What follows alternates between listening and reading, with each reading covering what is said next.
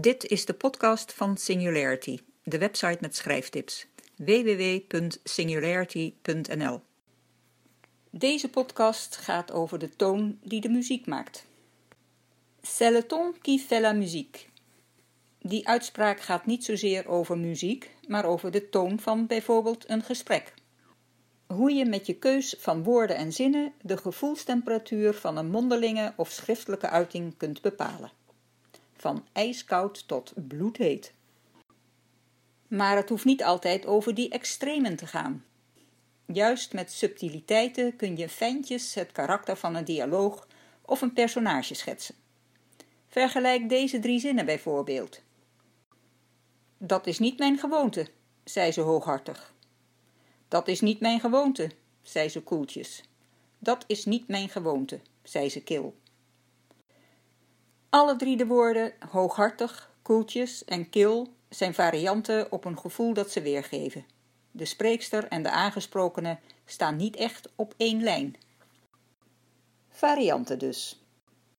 Zoals ik ze ervaar, geeft hooghartig vooral aan dat de spreekster zichzelf superieur voelt aan de aangesprokene. En koeltjes en kil laten mij voelen dat de spreekster het niet eens is met de ander en hem of haar daarom veracht of dat kwalijk neemt. Met kil nog wat meer richting poolcirkel dan koeltjes. Woorden zijn magisch.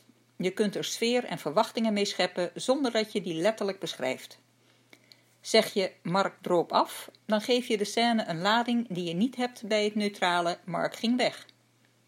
Je bent een klootzak, beet Rita hem toe. Dat komt anders over dan. Je bent een klootzak, zei Rita boos.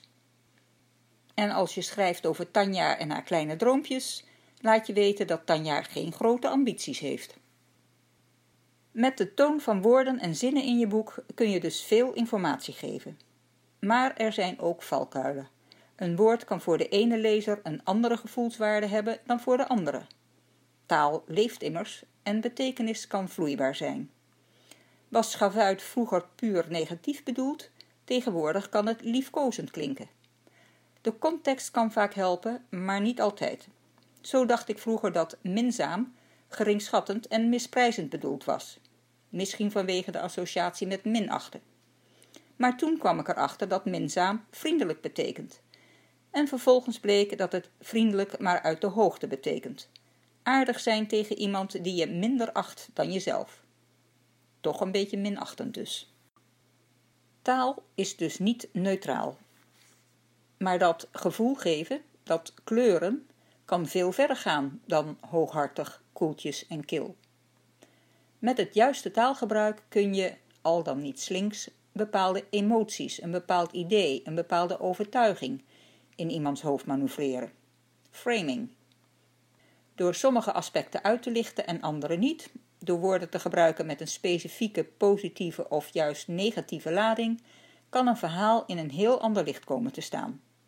Een frame wordt zo een roze of juist heel donkere bril. Ideaal dus voor bijvoorbeeld politici, die er dan ook dankbaar gebruik van maken. Denk bijvoorbeeld aan pro-life, waardoor je zou kunnen denken dat een vrouw die een abortus heeft tegen het leven is. Linkse hobby's klinkt een stuk negatiever dan ontwikkelingshulp en milieubescherming. En vruchtensap met alleen natuurlijke ingrediënten suggereert dat het daardoor gezond zou zijn, alsof suiker onnatuurlijk is. Framing kun je heel effectief in je boek inzetten. Bijvoorbeeld door je ene personage framing te laten gebruiken om iets bij een ander personage voor elkaar te krijgen. Of een gebeurtenis die je door de ogen van twee verschillende personages laat zien. Een MeToo-onderwerp bijvoorbeeld. Eerst vertelt de man hoe hij een vrouw heeft versierd, die helemaal voor hem gevallen is, en dan vertel je dat vanuit het perspectief van de vrouw, die dat heel anders heeft ervaren. Of minder traditioneel, de vrouw versierde, dacht ze, de man, en de man heeft daardoor een trauma opgelopen.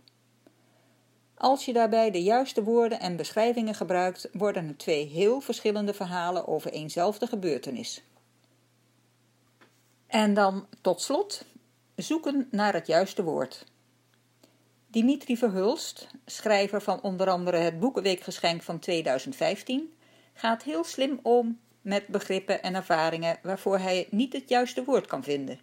Hij besteedt het uit aan zijn personage. Die mijmert dan over bijvoorbeeld liefde of ziel of nog iets anders en peinst over betere, krachtige woorden daarvoor. Een goede tip van Dimitri. En dit is dus het einde van deze aflevering. Ik wens je veel fraaie tonen. Oh ja, vond je het leuk? Heb je er wat aan? Maak me dan blij door het te delen. Dank je wel.